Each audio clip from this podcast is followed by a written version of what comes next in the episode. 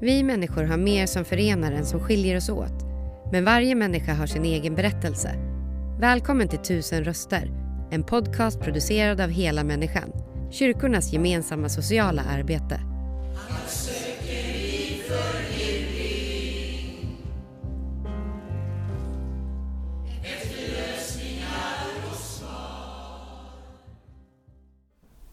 Ja, då är vi hos Hela Människans verksamhet i Mölndal och jag träffar Arne Marberg som är 70 år, eller fyller 70 år i juli. Han är född och uppvuxen i Krokslätt som ligger ganska nära här, bara några kilometer härifrån. Men nu bor du på länken. Ja, men Vad, vad är det för typ av boende? det är ett... eh, Länken, det är ju en förening som, ska, som startade någon gång på 50-talet. Tidigare i övriga Sverige kanske, men här i Mölndal. Där eh, de som drack, de gubbarna på Papyrus och de här stora fabrikerna. Som drack, läskade för mycket. Drack lite starkare grejer. Ja, för mycket liksom på helgerna. Så att eh, de... eh, För att de inte skulle gå hem till sina... Nu får jag skit för det. Gå hem till sina fruar och familjer på söndagarna då. Och vara bakfulla och jävliga och, och jobbiga. Så eh, fick de komma hit istället då till länken. Och där fanns det då rum som de kunde ligga över i. Mm. Och sen var länken då framförallt ett ställe där man träffades och man umgicks utan alkohol. Och man hjälpte varandra att bli fria från alkoholen helt enkelt. Det är jättebra.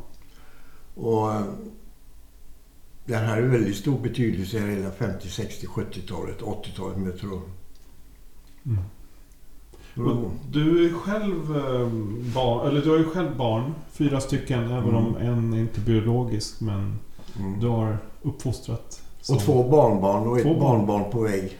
Där ser man. Barnbarnsbarn kanske hinner bli snart också.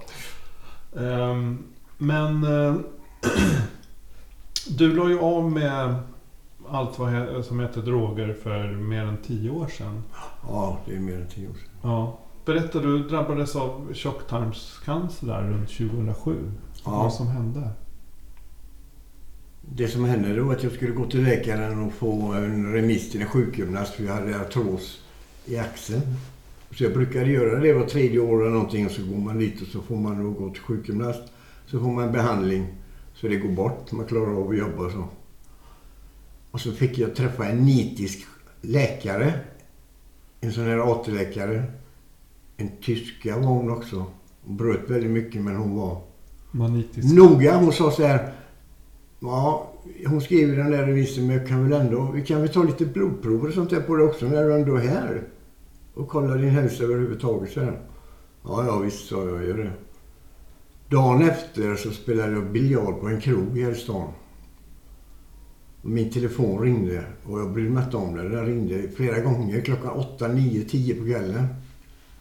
Till slut så gick, tog, tog, gick jag och svarade och gick ut. Och det var det den läkaren.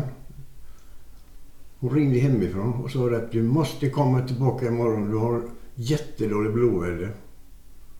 Oj. Och det hade jag då väldigt lågt blodvärde. Så, ja. Och då upptäcktes den här tjocktarmscancern då? Ja, en par veckor sedan. Ja, det tog bara ett par veckor, någon vecka eller någonting sånt där. Två veckor kanske. Så det blev en massa undersökningar och grejer. Så hittade de den. Men då var du inne i ett missbruk? Nej, jag hade slutat men jag var... Det var väl svårt att lägga ner. 100 procent liksom? Ja. Så jag åkte upp till Norrland och släktgården där uppe. Och var där uppe i tre och ett halvt, eller vad det var, tre och ett halvt år någonting. Eller mer. Fyra nästan. Körde snöskoter på vintern och fiskade på sommarnätterna. Var det där du liksom lyckades bli fri från det här? Ja, men det blir man där. Alltså det var fem mil till närmaste stad, närmaste alkohol och... eh, Och jag hade ingen bil. Mm. Så det blev lite alkohol emellanåt då. Men inget annat. Nej. Amfetaminer och det här slopade jag. Mm. Det gick ju bra och det... Ja. När man är där så är det inga problem. Det finns inget som lockar mer än älven och Och fiska och Fiskar sånt. och sånt. Ja, det förstår jag. Men, men när du var ung eller liksom barn. Mm. Introducerades du tidigt till droger och så? Ja. Hur tidigt var det? Jag var väl... eh, Jag tror jag var, vi ser, 52, man, 67, 67, 68. 1968? Hur gammal var Började du? man... eh, Ja. Jag är född 52 så du får räkna själv. 16 år var jag. ja, 16 år. Nej men då... Då var jag uppe och jobbade hos en släkting uppe i Norrland på en bondgård.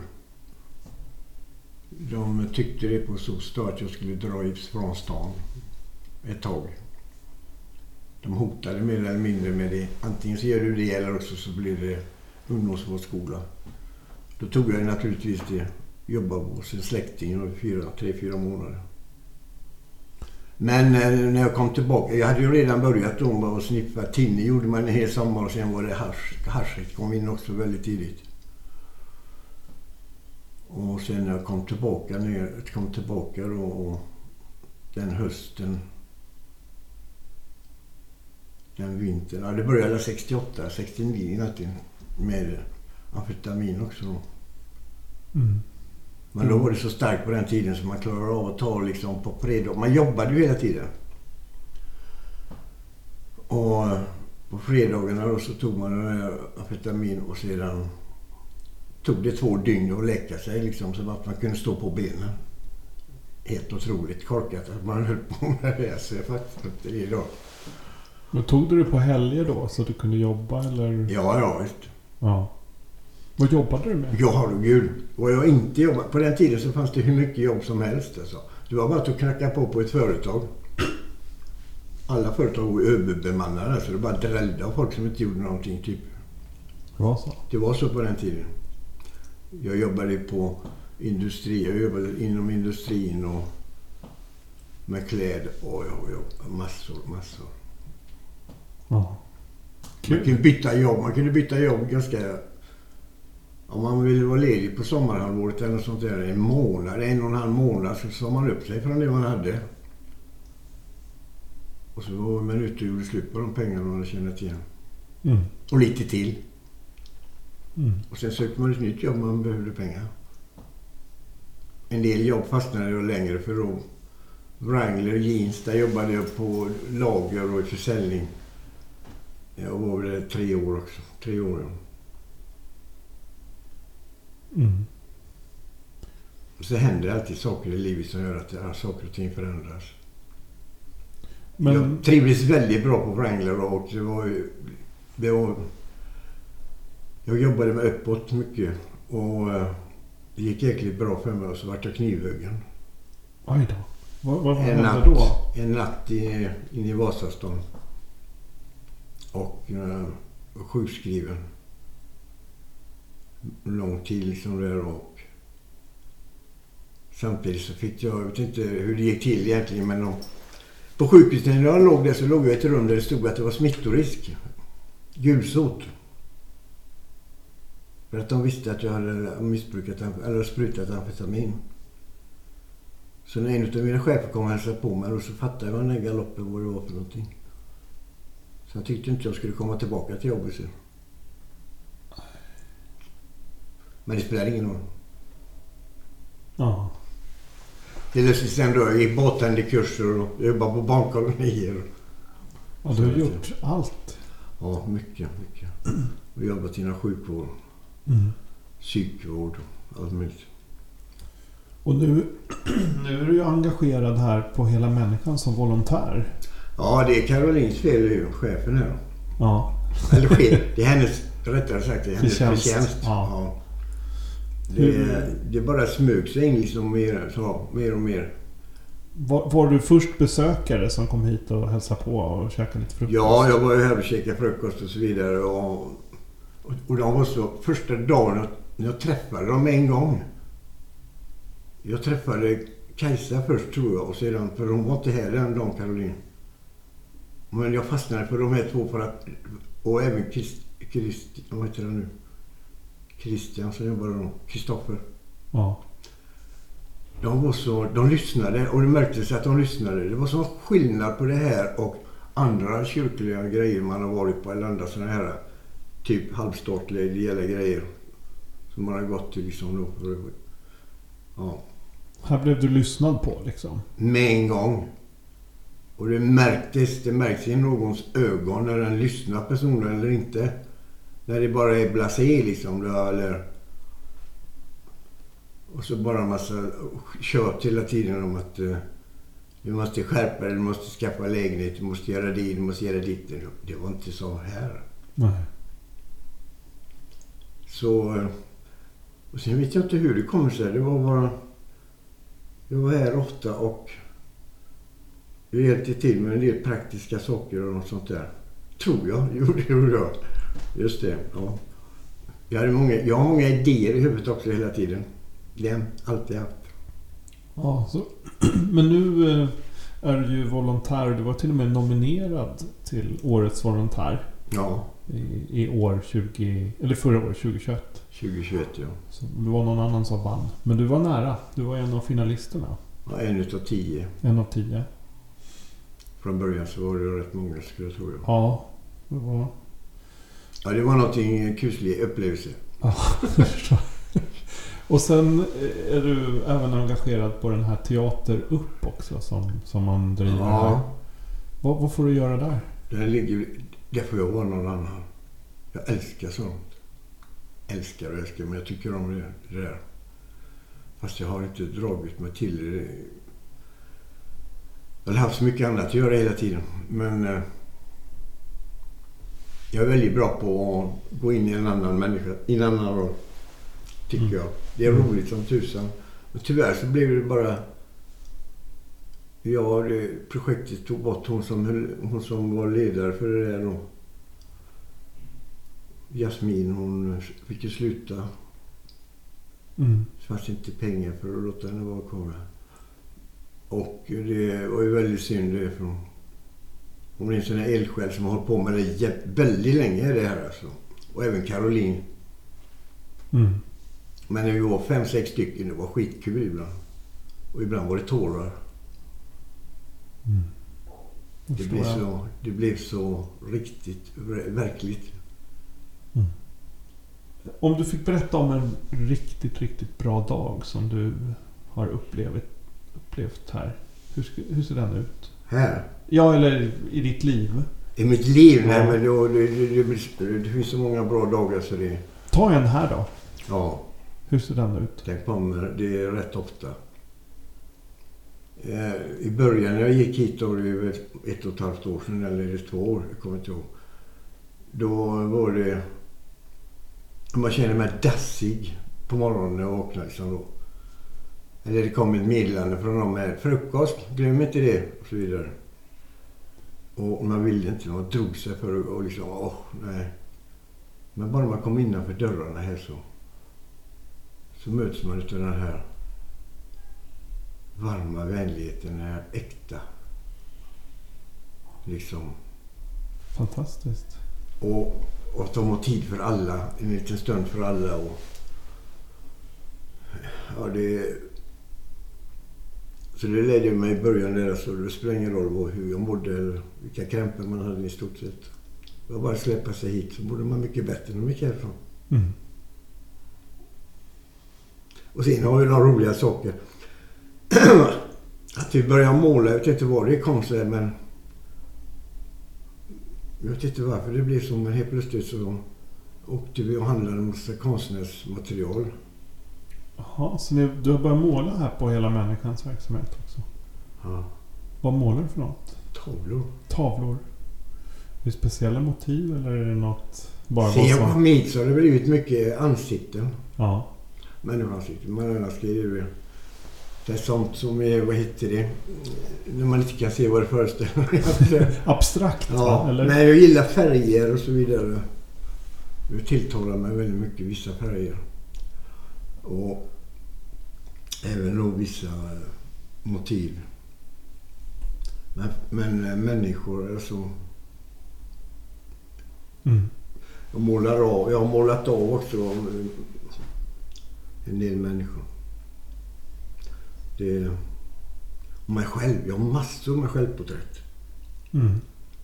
Och inget liknar mig.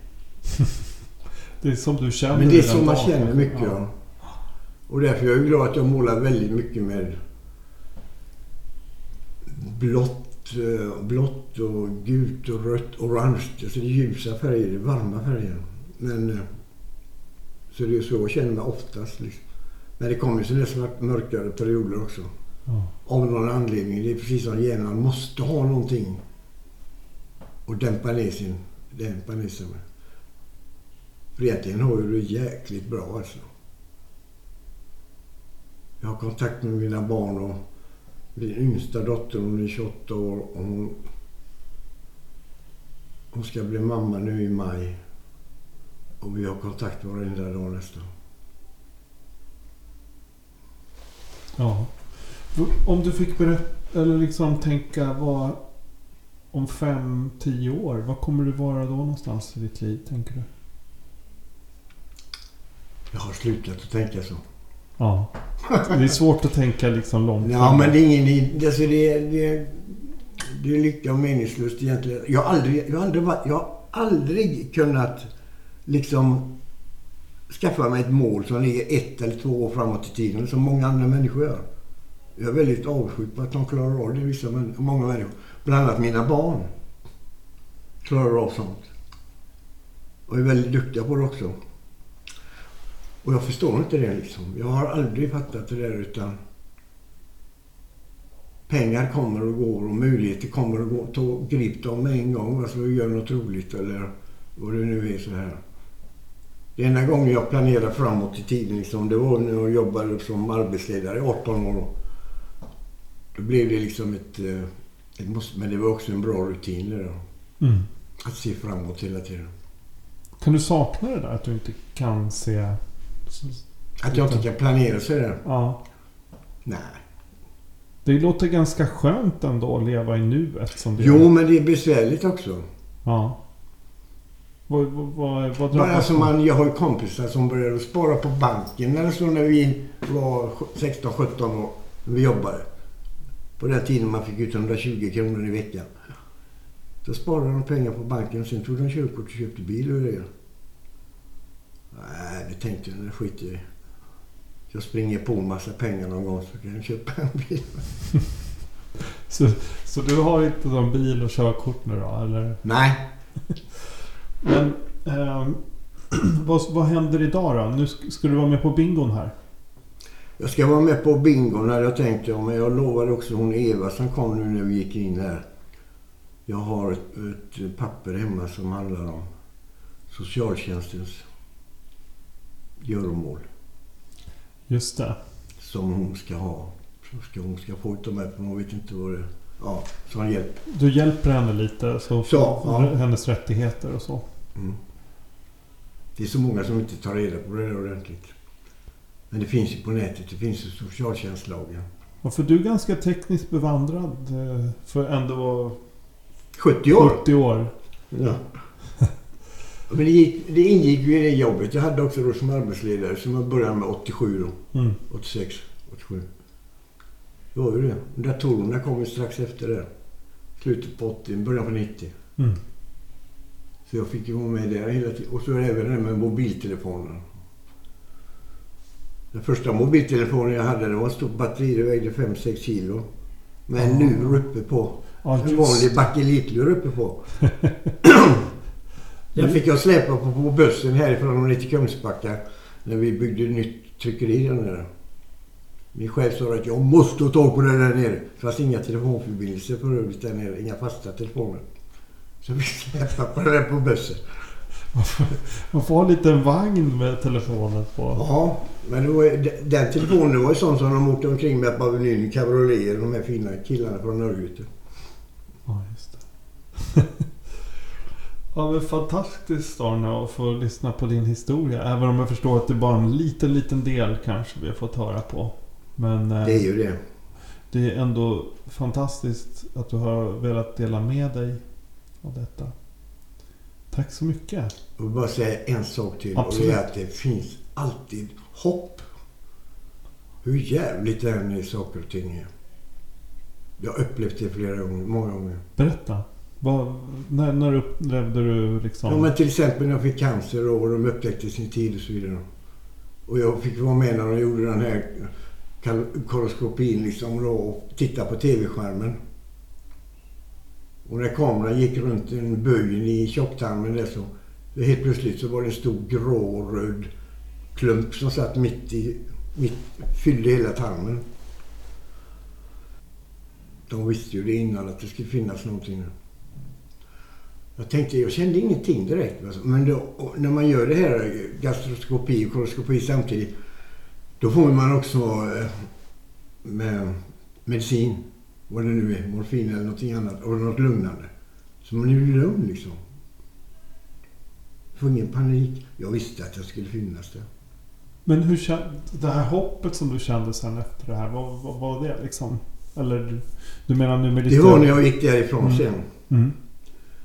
Hon, den läkaren som gjorde den undersökningen på mig, hon sa till sköterskan, gå och hämta han, där, där, ett namn hon. För nu är det så igen, sa hon.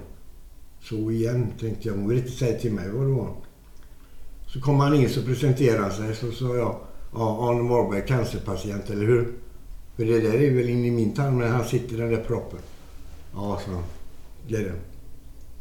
Men du ska få ta och lugna ner dig lite grann och så ska vi låta den medicinen du har fått verka ur kroppen lite på dig så du...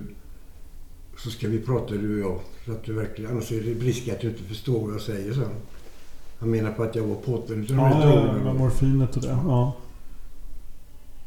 Och eh, så jag fick ligga i ett litet rum och så...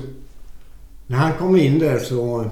Då hade det slutat fungera där och, och jag hade redan börjat ringa till mina barn. Och tala om hur det var. Och, men han, efter jag hade pratat med honom om det. Eller han pratade rättare sagt i en kvart eller någonting. Jag frågade om jag hade några frågor. Nej, nej det har jag inte. Jag vill bara veta vad du säger. Och chansen för att överleva. 100 procent, sa han. De hade redan då tittat på levern, skannat den med sina ultraljud. Gud vad skönt. Så Så de upptäcktes i tid liksom. Och operationen kom sen ett par veckor senare liksom och jag kände ingen oro överhuvudtaget utan bara hopp om framtiden liksom. Och det var så underbart att prata med sina barn här om det också. Mm. Det blev- kändes som en nystart. Och, så det var ju därför jag åkte upp till Norrland också liksom. Och, för jag tänkte jag kan inte starta igen med den där skiten jag höll på med förut så ofta. I stora mängder och som skapade problem, vilket det alltid gör. När man håller på med det där. Problemet heter pengar. Mm. Mm. Det finns alltid hopp. Ja, och det är ju hoppet. Hoppet. Att vi går, alltså. Och min yngsta son, han som heter min biologiska son, han har också bevisat det där liksom. Från ingenting. Från noll i betyg och han gick inte i sjuan. Han går ut nian med jättebra betyg och kan välja och vraka vilket gymnasium han vill gå på. Han börjar på gymnasiet, han får stipendier och grejer, höga pengar, mycket pengar. Han blir utskickad överallt för att representera skolan. Fantastiskt. Ja, med tanke på att hela tiden i bakgrunden så var SOS och jagade honom och skulle sätta honom på ett sån där, eh, vet du, familjehem. För att jag inte var bra för honom. Mm. Och så är blev det lite- en sån kille. Det är lite revansch för dig också. Mycket revansch för Ja. det. Verkligen. Men det är ingen idé att säga ja. Nej, men det, det, det är också hopp liksom. Mm. Det såg väldigt illa ut ett tag liksom, för han och även för andra i, runt omkring. Och, men Du har sett mycket hopp runt dig. ja. Och mycket hopplöshet också. Ja. ja, de går väl hand i hand. Den gör ju det. Utan hopp. Utan hopplöshet, ingen hopp. Mm. Eller vad säger man? Ja, så är det. Så är det. Men tack så mycket Arne att vi fick lyssna på din historia. Ja. Tack själv. Tack för att du lyssnat. Intervjun gjordes av Daniel Ryderholm och musiken framfördes av Gatans röster. För att hitta fler avsnitt och ta reda på hur du kan engagera dig besök helamänniskan.se volontär.